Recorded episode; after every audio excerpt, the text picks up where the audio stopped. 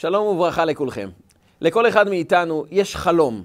יש לנו יעד שהיינו משתוקקים מאוד לממש אותו, להגיע אליו. אנחנו רוצים בתחום המשפחתי שתהיה לנו משפחה מלוכדת, אוהבת, תומכת. אנחנו רוצים זוגיות שמבינה, מכילה. אנחנו רוצים אה, להתפתח באופן אישי טוב יותר, להתקדם יותר ברוחניות. אנחנו רוצים להיות טובים יותר. ולכן יש לנו יעד גבוה שאליו אנחנו שואפים, אבל לא מעט פעמים אנחנו מתרסקים, אנחנו נופלים, אנחנו מתאכזבים, יש לנו כישלון בדרך. לא מעט פעמים אנחנו מסתכלים על היעד שלנו ואומרים, האם אפשר לממש כזה יעד? החלום הזה לא יותר מדי גדול, אולי פחות ציפיות וגם פחות אכזבות, אולי להסתכל על החיים כפי שהם, נמוך אבל בטוח, איך שאני נמצא, אולי זה הכי טוב, ורק נעבור את הימים. כי כשאנחנו מסתכלים על חלומות גדולים, אנחנו מבחינים בפער הגדול שיש בין איפה שאנחנו נמצאים לחלום הגדול. איך אפשר לגשר על הפער הזה? איך אפשר לצמצם אותו? איך אפשר לא להתייאש בזמני כישלון ונפילה כשאני מתרומם, מביט הצידה ורואה שאין חברה שתומכת בי, אין לי משפחה מאחוריי, אני בעצמי נכשלתי, אני לא מוצא בעצמי גם כוחות, אני לא רואה מה הקשר ביני לבין היעד הגדול הזה. איך אפשר לצמצם את הפער הזה ולא לאבד ייאוש, לא לאבד תקווה, גם בזמנים של נפילות? זה אפשרי בכלל? על זה באה פרשת השבוע שלנו, פרשת בהר. פרשת בהר היא אחת הפרשות שהוציאו את מטבע הלשון המפורסם.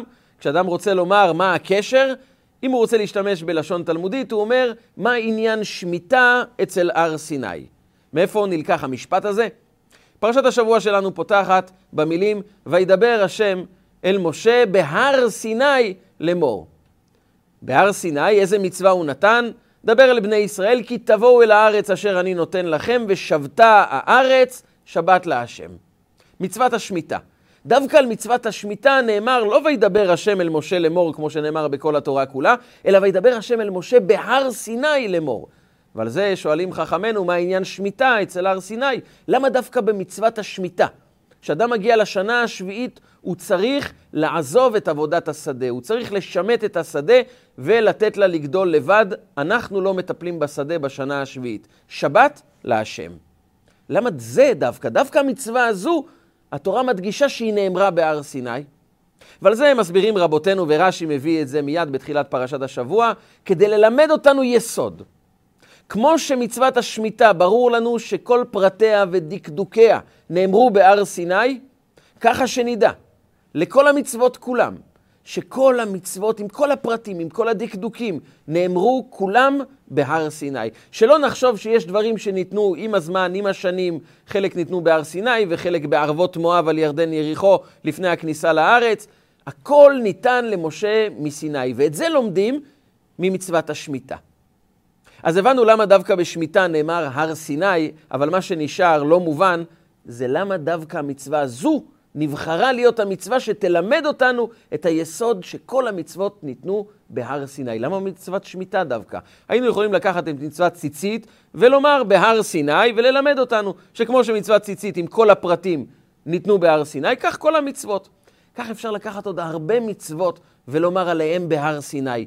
אבל אם התורה בחרה דווקא במצוות השמיטה, ללמד אותנו כבניין אב, כיסוד, כמקור, שכל המצוות עם כל הפרטים ניתנו בהר סיני, סימן שיש משהו במצוות השמיטה. יש כאן יסוד בחיים. יש כאן קרקע שרק ממנה אנחנו נוכל לצמוח עם כל המצוות ועם כל היעדים בחיים שלנו. וכדי להבין טוב את המצווה הזו, את המסר העמוק שלה לחיים שלנו, בואו ננסה להבין את הפסוק שאיתו התורה מתחילה. פרשת השבוע אומרת כי תבואו אל הארץ ושבתה הארץ שבת להשם. זה פשוט לא נכון. כי תבואו אל הארץ, כשאנחנו ניכנס לארץ, אנחנו נצטרך להילחם 14 שנים, להילחם נגד האויבים שנמצאים בארץ, לחלק את הארץ, אחר כך נצטרך להתחיל לחרוש ולזרוע, ורק אז נגיע לשעה, לשנה השביעית. אז בעצם אנחנו צריכים להמתין כשנכנסים לארץ 21 שנים, 14 שנים של כיבוש וחלוקה, עוד 6 שנים של חרישה וזריעה, ורק בשנה ה-21 תהיה שמיטה. איך פרשת השבוע אומרת לנו? כי תבואו אל הארץ אשר אני נותן לכם, ומיד שבתה הארץ שבת להשם.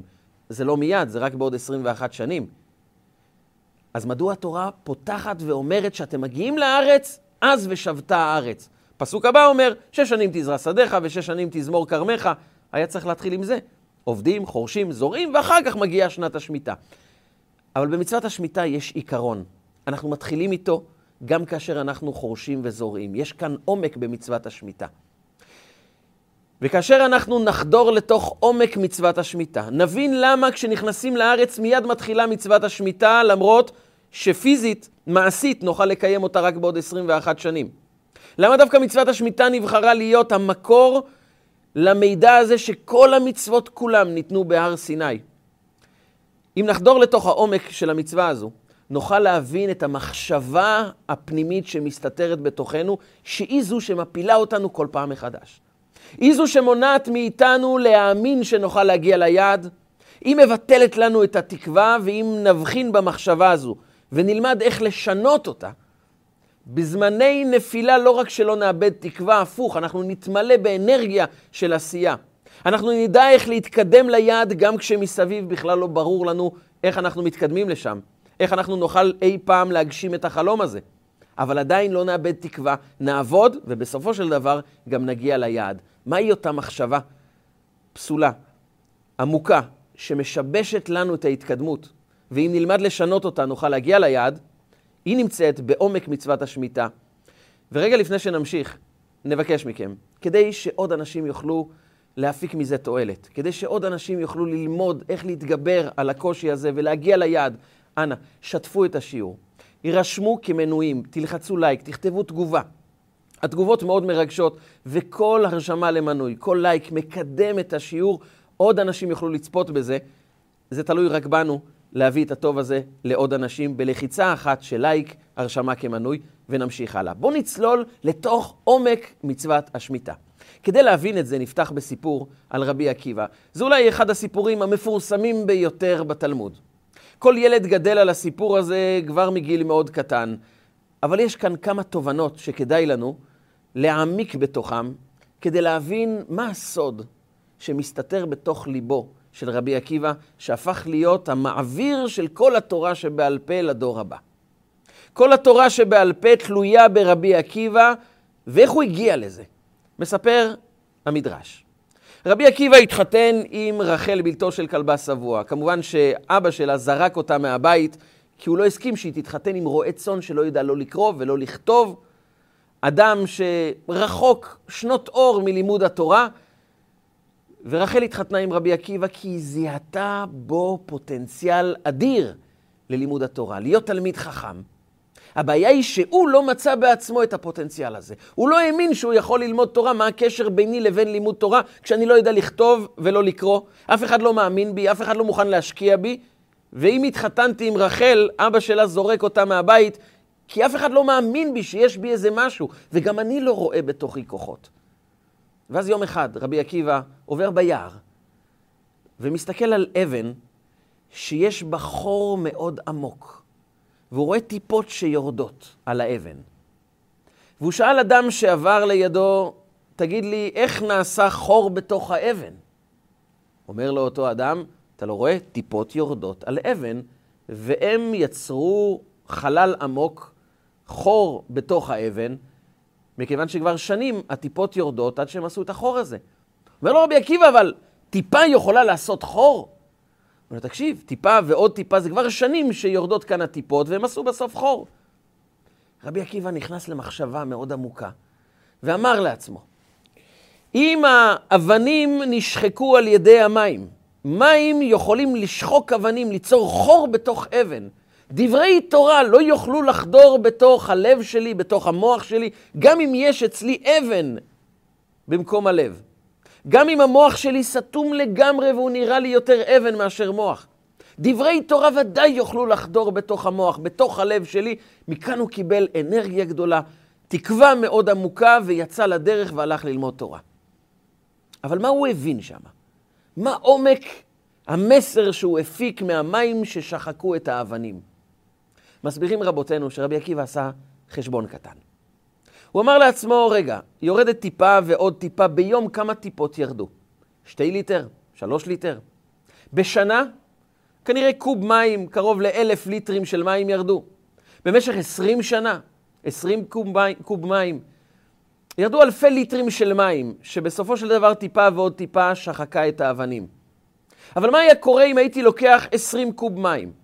הייתי לוקח אלפי ליטרים, 100 קוב מים, ושופך אותם בבת אחת על האבן. האם היה נעשה חור? והוא הבין שאפילו שריטה לא הייתה נוצרת על האבן. אבל שפכתי את אותה כמות מים שירדה יום-יום, בבת אחת שפכתי אותם. אבל רבי עקיבא הבין שכשאתה מחפש עוצמה אדירה ברגע אחד, אתה לא יוצר כלום בחיים. אפילו לא שריטה קטנה על האבן.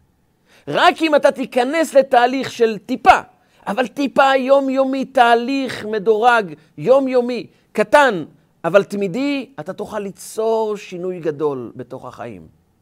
רבי עקיבא הבין באותם רגעים את מה שכל כך כל כך נחוץ לנו בדור שלנו. אנחנו חיים בדור שאנחנו מקבלים הכל מוכן. פעם אדם שהיה רוצה לאכול לחם, היה ברור לו שהוא צריך לחרוש ולזרוע ולקצור ולטחון ולברור את החיטים וללוש את הקמח ולאפות, ועד שיוצא לחם יש המון המון עבודה. יש תהליך שלם. היום ברור לכולם שאדם שרוצה לאכול לחם, הוא פשוט ניגש למאפייה או לחנות הסמוכה וקונה לחם. אף בן אדם לא עובר תהליך שהוא רוצה לאכול לחם. היום אדם רוצה לבצע קניות, אז הוא לא צריך לעבוד יותר מדי קשה, בטלפון קטן הוא יכול להזמין את כל מה שהוא רוצה וזה מגיע אליו עד הביתה. היום גם מפתחים מושג חדש, שאדם גם יכול לקבל את ההזמנה שלו על ידי רחפן שמגיע עד החלון, הכל מגיע זמין כאן ועכשיו, וזו מעלה גדולה, זה מקל על החיים, אבל יש כאן סכנה שאנחנו חייבים להיות מודעים אליה. איבדנו את היכולת לעבוד בתהליכים לאורך זמן. אנחנו מתרגלים שכל דבר מגיע זמין כאן ועכשיו, אני רוצה לקבל מידע בכמה לחיצות, אני מקבל את כל המידע שאני צריך. אני לא אמור ללכת לספרייה ולפתוח ספרים ולהעמיק ולסכם. הכל מסוכם, הכל מגיע כאן, מוכן, עכשיו. אני לא עובד.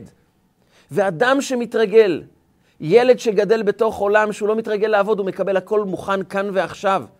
הוא לא יודע מה זה להתמיד בתהליכים. ולכן הוא גם יכול לאבד סבלנות ותקווה כשדברים לא מסתדרים. כי התרגלנו לחיות בחוויה שהכל מגיע מוכן.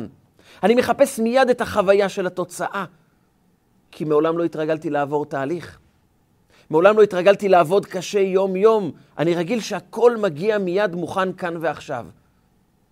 ואז כשאדם ניגש לחיים עצמם, ובחיים עצמם כשאדם רוצה לבנות משפחה טובה, כשאדם רוצה זוגיות טובה, כשאדם רוצה להתפתח אישית, הוא חייב להבין, זה לא יכול להגיע במכה אחת. נכון שיש כל מיני אנשים שמציעים 12 מפגשים ויהיה לך את הזוגיות המושלמת, סדנה ממוקדת ואתם תמצאו את כל התשובות לכל בעיות החינוך בבית, וליווי אישי בכמה מפגשים קצרים ואתה מגיע לשיא ההתפתחות האישית.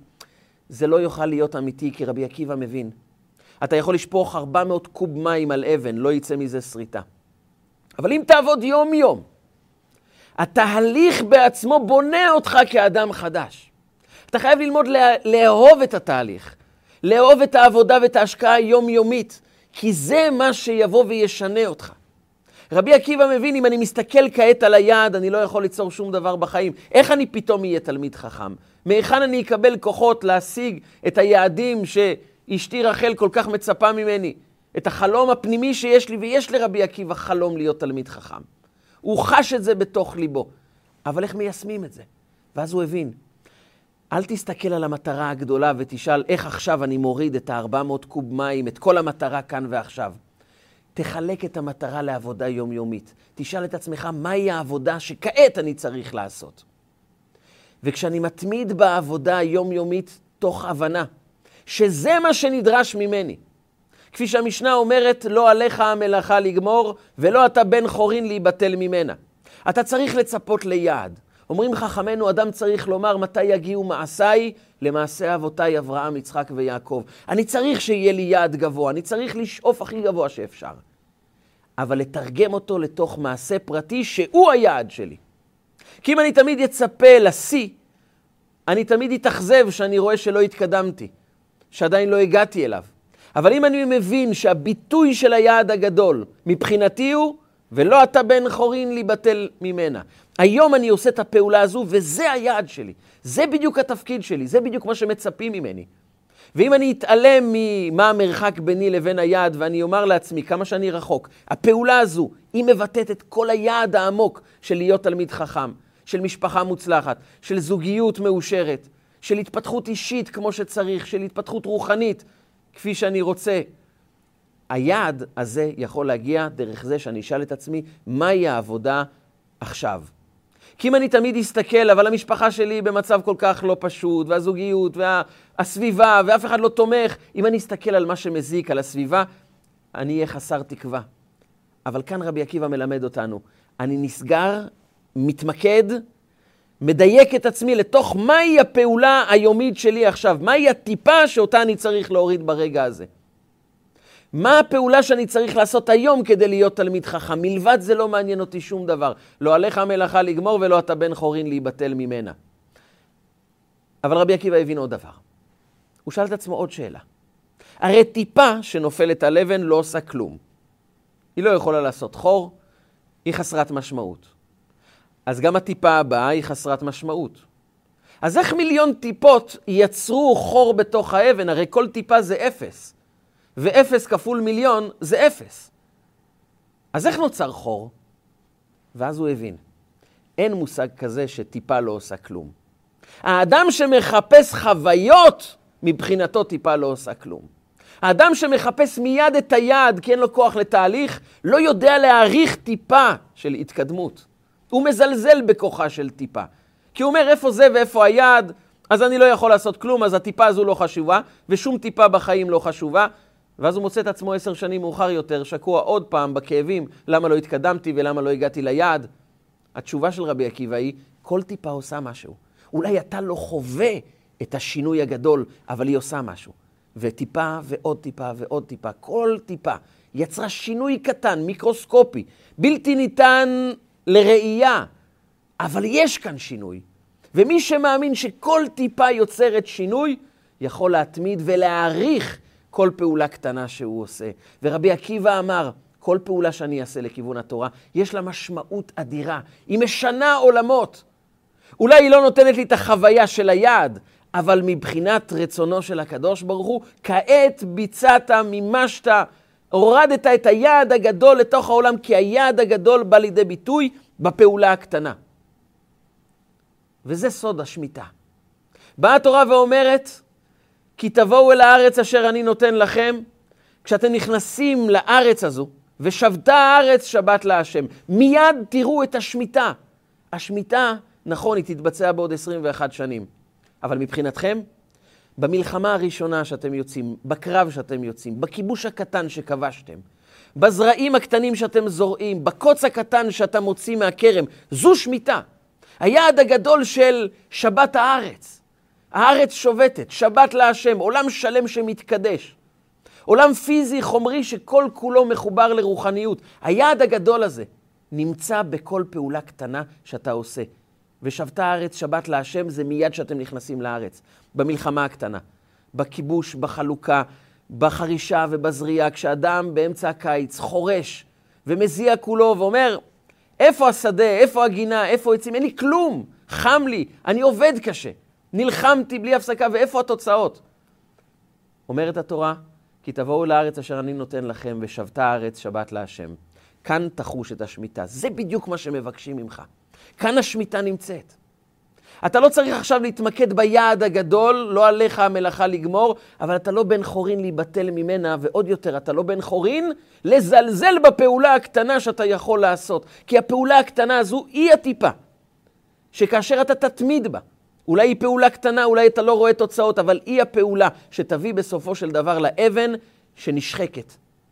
לשמיטה הגדולה שמגיעה בתוך גינה מלאה בפרחים, בעצי פרי, נפלאים ויפים, מגוונים, אבל הם נוצרו כתוצאה מיהודי שהלך וחרש, ובכל צעד שהוא צעד, בכל זרע שהוא זרע, בכל קוץ שהוא הוציא מהאדמה, הוא אמר, זו שמיטה, כאן היעד הגדול נמצא.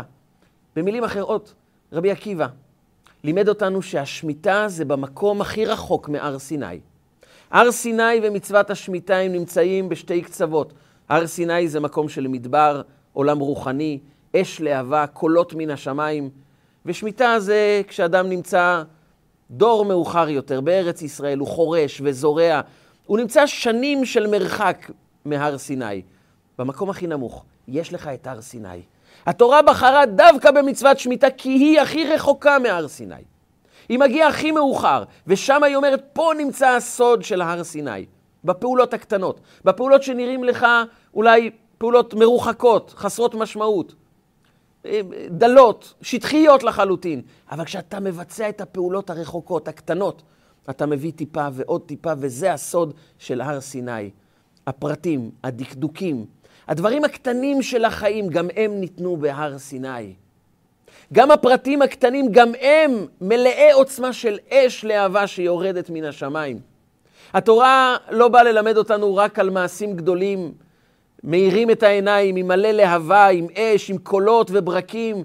גם הפרטים הקטנים, הדקדוקים הקטנים, יש בהם עוצמה של הר סיני.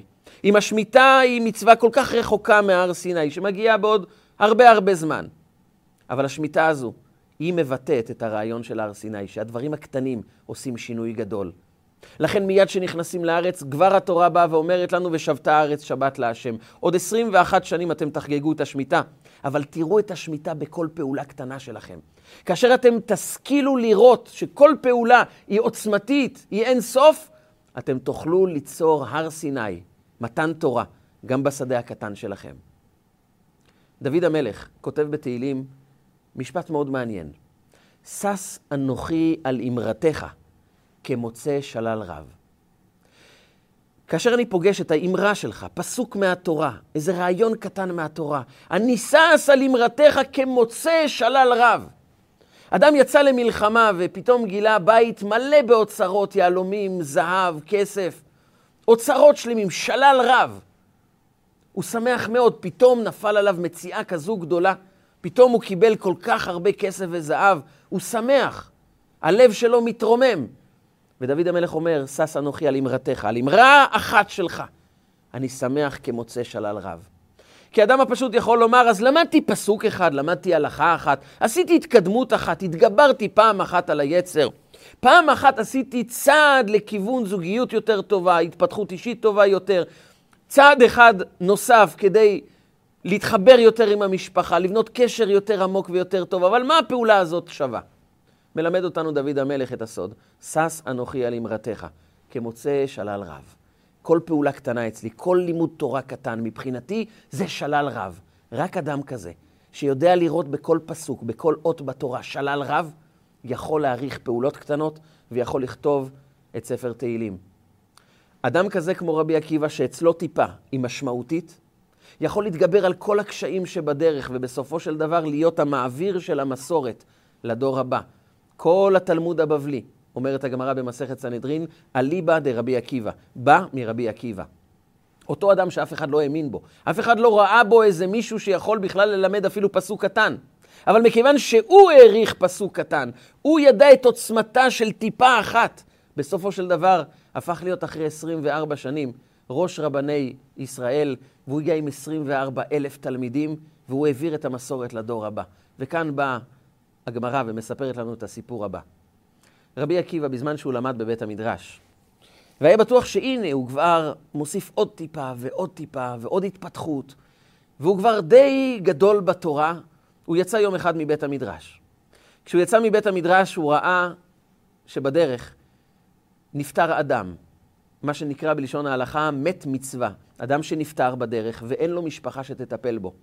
רבי עקיבא לקח על עצמו את האחריות על קבורת אותו אדם. הוא סחב אותו עד לבית העלמין, קבר אותו, שילם את כל מה שצריך, את כל ההוצאות של הקבורה, והתעסק בזה יום שלם, אבל הוא זכה להתעסק עם מת מצווה שאף אחד לא התעסק בו, אף אחד לא דאג לו. הוא חזר לבית המדרש וסיפר לרבותיו, אני התעסקתי היום עם מת מצווה. שאלו אותו, ומה עשית בדיוק? הוא אמר להם, אני סחבתי אותו עליי במשך שלוש מילין, שלושה קילומטרים, וקברתי אותו, והתעסקתי עם כל מה שצריך. ואני שמח שהזדמנה לידי מצווה כל כך גדולה. רבותיו הסתכלו עליו ואמרו לו, עקיבא, אתה לא יודע שעשית עבירה? הרי אחד מהתקנות של יהושע בן נון ביום שנכנסנו לארץ ישראל, זה מת מצווה קנה מקומו. מת מצווה קוברים אותו במקום שבו מצאו אותו. אתה לא צריך לסחוב אותו. היית צריך לקבור אותו במקום, זו תקנת יהושע בן נון. ותדע לך שכל צעד שצעדת עם אותו נפטר, הרגת את הנפש, פגעת בו, מנעת ממנו קבורה. הרגת את הנפש. ורבי עקיבא ברגע אחד מבין שלא רק שהוא לא עשה מצווה, הוא עשה עבירה. והוא התיישב ואמר לעצמו את הדבר הבא: אם כשאני עושה מצווה, כשאני חושב שאני עושה מצווה, יצא לי עבירה כל כך גדולה, אז סתם פעולות שאני עושה, כמה עבירות אני עושה. אם כשאני משוכנע שאני עושה דברים טובים, מסתבר שאני עושה עבירות, מי יודע עוד כמה עבירות אני עשיתי בחיים שלי? בזמן שאני משוכנע שאני מתקדם בתורה ומצוות, מתברר שאני רק מתרסק למטה. אני לא מתקדם לשום מקום, אני רק עושה יותר עבירות. ומה רבי עקיבא אמור לעשות ברגעים האלו? מה המסקנה ההגיונית המתבקשת מהסיטואציה הזו? כל אדם אחר היה אומר, כנראה זה לא בשבילי. לא בשבילך, רבי עקיבא, להיות רבי עקיבא. אולי אתה יותר מתאים להיות רועה צאן. תראה, אף אחד לא האמין בך, אתה גם יודע שלא היו בך כוחות, ואתה גם רואה את המציאות מתרסקת למול עיניך. ושאלו תלמידיו של רבי עקיבא, מה עשית ברגע, ברגע הזה? מה עושה אדם ברגעים כל כך כל כך קשים שכבר התחלת ולמדת והתקדמת והתברר לך שאתה חוטא גדול? שלא רק שאתה לא עושה מצוות, אתה עושה עבירות. אמר רבי עקיבא, כאן הייתה תחילת זכותי. כאן התחלתי להיות רבי עקיבא. אם אתם שואלים מתי התחלתי להיות רבי עקיבא, זה הרגעים האלה. כי הסקתי את המסקנה האמיתית נגד המחשבה הטבעית שמתחוללת בתוכנו. המחשבה הטבעית אומרת, אתה רוצה חוויה, אתה רוצה להרגיש מוצלח, אתה רוצה לראות תוצאות מיד. ואתה מסרב לתהליכים, ואם צריך לעשות את התהליכים, בוא נעבור את זה כמה שיותר מהר כדי שכבר נראה תוצאה. ובכישלון הראשון אני רואה שהתהליכים לא מובילים אותי לתוצאה, אז אני מתרסק. אבל זו מחשבה פסולה, אומר רבי עקיבא. זה לא נכון. אתה לא מחפש את החוויה, אתה לא מחפש מיד את התוצאה. אתה שואל את עצמך, מה הפעולה שנדרשת ממני כעת בעקבות הכישלון? הכישלון לא אומר שהיעד לא נכון. אם באמת בדקתי שהיעד הוא היעד נכון, הוא מדויק, בדקתי שזה מה שאני באמת צריך בחיים שלי. שום נפילה לא אמורה למנוע ממני מלהתקדם אל המטרה הזו, מסיבה אחת פשוטה. אני לא מחפש מיד את התוצאה, ואני לא מחפש את החוויה, ואני לא מחפש להרגיש טוב כאן ועכשיו. אני מחפש רק דבר אחד, לדעת, האם היום נתתי את הטיפה שאני צריך לתת היום? האם ביצעתי את המשימה שלי היום? אני שואל את עצמי כל בוקר מחדש, מהי המשימה שנדרשת ממני כעת? בהתעלם מכל החוויות שאני מחפש, מהריגושים, מההנאות, מה נדרש ממני כעת? מה מבקש ממני ריבונו של עולם כעת? ואז הבנתי, אומר רבי עקיבא, אני כנראה לא מספיק הייתי קרוב לרבותיי. לא שימשתי אותה מספיק. לא יצרתי חיבור מספיק טוב עם רבותיי, ולכן פספסתי כמה הלכות. ומאותו היום נדבקתי אליהם. הם זרקו אותי ואמרו לי, אתה הרגת את הנפש. כי הם ידעו שזה רק יוביל אותי להתחבר אליהם עוד יותר. להבין שהכישלון זה הזמן שבו אני צריך לשאול את עצמי, אז מה עכשיו אני צריך לעשות טוב יותר? מה למדתי כתוצאה מהנפילה? וכאן הייתה תחילת זכותי. כאן באמת נדבקתי לרבותיי. כאן באמת ניסיתי ללמוד כל מילה מהם. ובסופם של 24 שנים, רבי עקיבא חוזר עם 24 אלף תלמידים. כלבה שבוע מפר את הנדר ומארח את רבי עקיבא, ורבי עקיבא מוכתר כרב הגדול של עם ישראל. 24 אלף תלמידים. איצטדיון שלם של תלמידים שבאים לשמוע את דברי תורתו. הוא הפך להיות עשיר גדול, כלבה שבוע מעריץ אותו, כולם אוהבים אותו. הוא הגיע לשיא, הוא קנה לאשתו שדחפה אותו, שתמכה בו לאורך כל הדרך, הוא קנה לירושלים של זהב, תכשיט מפואר מזהב, שיא השיאים. ואז, ברגע אחד, הכל נמחק. מגפה פורצת בין תלמידיו של רבי עקיבא, והוא מוצא את עצמו בימי ספירת העומר, שכל התלמידים שלו נפטרו. הוא משתתף במאות לוויות יום-יום, הוא קובר את כל התלמידים עד האחרון שבהם, לא נשאר לו אחד. והיה העולם שמם. התלמוד מעיד שהעולם נחשך, לא היה אור של תורה יותר. ורבי עקיבא, אחרי כל מה שהוא עבד, כל מה שהוא התאמץ, הוא כבר הגיע ליעד. מחקו לו את כל מה שהוא עשה בכל ה-24 שנים האחרונות. לא נשאר לו כלום. והיה העולם שמם. ומה מגיב רבי עקיבא? מה הוא עושה ברגעים האלה? אדם אחר היה מתייאש, אומר, אחרי כל מה שעבדתי, כלום לא נשאר. אבל רבי עקיבא לא חי בעולם של חוויות. הוא לא חי ב... או שהגעתי לתוצאה, ואם הגעתי לתוצאה והיא נמחקה, אז כבר אני מתייאש לגמרי, כי כנראה לעולם אני לא אוכל להשיג את התוצאה. הוא לא חי בעולם הזה של הגעתי לתוצאה או לא הגעתי לתוצאה. ההצלחה היא בידו של הקדוש ברוך הוא. לא עליך המלאכה לגמור, אבל עליך החובה יום-יום לשאול. איך אני רואה את המטרה הגדולה בתוך הפעולה שנדרשת ממני? נכון, אני רוצה להאיר את העולם באור של תורה. אני כן צריך לקחת יעד גדול. אני כן רוצה לשאול את עצמי מתי יגיעו מעשיי למעשה אבותיי. מתי אני אאיר את העולם באור של תורה. אבל התרגום של היעד הזה הוא חייב להיות מקופל ומרוכז בתוך עשייה אחת של מה נדרש ממני היום. השמיטה באה לידי ביטוי בזריעה שאני זורע, בחרישה שאני חורש, זה שמיטה. בזה שאני הולך למלחמה וכובש עוד חלק קטן, בזה שאני מוכן לחרוש עוד חרישה קטנה, בזה בא לידי ביטוי השמיטה. השמיטה אצלי זה החרישה שנדרשת ממני היום. ורבי עקיבא אומר לעצמו, האור של התורה שיאיר את כל העולם בא לידי ביטוי אצלי בשאלה אחת, מה אני יכול לעשות היום כדי לקדם את העולם עוד צעד באור התורה? והוא מברר, יש ללמד מישהו? נשארו עוד תלמידים? מישהו שאפשר ללמד? אמרו לו, יש בדרום חמישה תלמידים. אולי אתה רוצה, העירייה כנראה מוכנה לתת מקלט ותוכל ללמד אותם שם. והוא רבי עקיבא, שהיה רגיל לעשרות אלפי תלמידים שסובבים אותו. עכשיו צריך להתרגל לחדר קטן עם חמישה תלמידים שבאים לשמוע אותו. והוא ירד אליהם. עבר דירה ואמר להם בשיעור הראשון, ביום התייסדות הישיבה הקטנה המצומקת של חמישה תלמידים, אחרי שהוא היה רגיל לעשרות אלפים. הוא אמר להם ביום הראשון, ראשונים לא מתו אלא על שנהגו בצרות עין. הם לא כיבדו אחד את השני, הם קינאו אחד בשני. השיעור הראשון שלי אליכם, תראו לא להיות כמו אותם ראשונים, תאהבו זה את זה, תכבדו זה את זה. וככה תאירו את העולם. ועם זה הוא פתח את היום הראשון של הלימוד עם חמישה תלמידים, שמהם יצאו רבי מאיר בעל הנס, רבי יהודה בר אילאי, חכמי המשנה, ובראשם רבי שמעון בר יוחאי, שמאות אלפים עולים כל שנה לציון שלו. כולם חוגגים, כל העם היהודי חוגג את היום הגדול הזה של ל"ג בעומר, יום ההילולה של רבי שמעון בר יוחאי, שהוא העלה את כולם לרובד הסוד, לרובד העמוק של החיים. הוא גילה את הסוד שיש בכל אחד, את הקשר הנצחי בין יהודי לבין הקדוש ברוך הוא. ליום ל"ג בעומר הזה. הוא יום של התפרצות של קדושה אינסופית שקיימת בכל אחד מאיתנו, אבל היה לו ל"ג בעומר קדום יותר. הל"ג בעומר הראשון היה בעצם יום התייסדות הישיבה של רבי עקיבא. אותו היום אומר החידה, זה היה יום ל"ג בעומר. יום י"ח באייר, זה היום שבו רבי עקיבא ייסד את הישיבה, שהצעיר שבתלמידים היה רבי שמעון בר יוחאי. עוד לפני שהוא התגלה כאיש אלוקים שהפיץ תורה ואת עולם הסוד בכל העולם כולו, היה יהודי בשם רבי עקיבא, שהכל התמוטט לו מול הפנים. העולם היה חשוך, אבל הוא התמקד במה הפעולה הקטנה שאני יכול לעשות. והפעולה הקטנה שהוא עשה ביום ל"ג בעומר הביאה את רבי מאיר בעל הנס ואת רבי שמעון בר יוחאי ואת ל"ג בעומר ואת תורת הסוד ותורת הקבלה ואת עולם החסידות וכל האור שיש בעולם הגיע מיהודי שהעריך את כוחה של טיפה אחת, של התקדמות אחת. שהוא ראה גם בפעולה של השמיטה שכל כך רחוקה מהר סיני. שם הוא ראה את הר סיני. בפעולות הקטנות הוא ראה את העוצמה הגדולה שניתנו פרטותיה וקללותיה ודקדוקיה.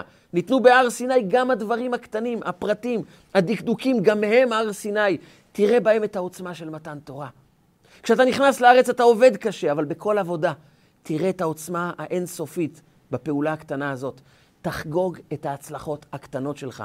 מי שיודע לעשות פעולות קטנות ולראות בהן אין סוף, שש אנוכי על אמרתך כמוצא שלל רב. אז כל יום הוא ייתן את הטיפה הקטנה, ובסופו של דבר הוא גם יוכל לראות משפחה טובה, גם זוגיות טובה, גם התפתחות אישית. זה תלוי בכך שאנחנו יכולים לראות בכל חרישה וזריעה את ושבתה שבתה הארץ שבת להשם. את העוצמה של הקדושה הגדולה בתוך הפרטים הקטנים. ביום ל"ג בעומר רבי עקיבא ייסד את הישיבה הקטנה הזו, שהאירה את כל העולם. והחגיגה האמיתית של ל"ג בעומר זה להבין שהאש הגדולה בנויה מניצוצות קטנים, ואת הניצוץ הקטן אני יכול לתת היום, ובזה אני מתמקד. מה הפעולה הקטנה? מה הניצוץ הקטן שאני יכול להקים היום? אנחנו לעיתים מסתכלים על העולם סביבנו ורואים המון מחלוקות והרבה שנאה והרבה אגו וישות ותחרות והתנהגות לא טובה, ואנחנו מתייאשים, אומרים, מה יצא מהעולם הזה? איך אפשר לשנות את העולם? והתשובה היא, תראה את השינוי הגדול בתוך הפעולות הקטנות שלך. כשאתה עושה שינוי קטן, משמעותי, אבל קטן, ממוקד, בתוך החיים שלך, אתה יוצר שינוי כללי בעולם כולו. כשרבי עקיבא ירד ללוד והקים ישיבה קטנה, הוא לא ראה איך כל העולם כבר מואר באור של תורה, אבל הוא ידע בפעולה הקטנה הזו, בניצוץ הזה, אני יכול להדליק אש גדולה בעולם. כשאנחנו נראה בכל פעולה שלנו עוצמה גדולה, אנחנו נוכל לעשות שינוי קטן בחיים שלנו, והשינוי הקטן שאנחנו עושים, הוא אף פעם לא נשאר קטן, הוא תמיד יכול להאיר את העולם כולו. ועל זה אומר הרמב"ם, שמכאן מגיעה גאולה לעולם. לעולם יראה אדם עצמו ואת העולם כולו, כאילו חציו זכאי וחציו חייב. ואם אדם עשה פעולה אחת קטנה, הכריע את כל העולם כולו לקו זכות.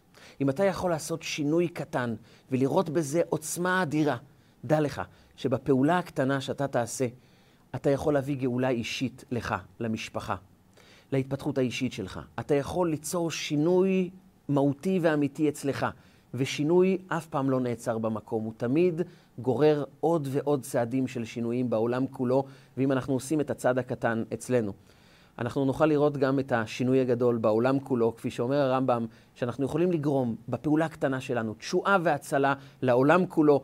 יהי רצון שהניצוץ הקטן שאנחנו מדליקים היום בהחלטה נחושה, יאיר את העולם כולו באור של גאולה שלמה, עם אורו של משיח צדקנו, יבוא ויגלנו במהרה בימינו, אמן ואמן.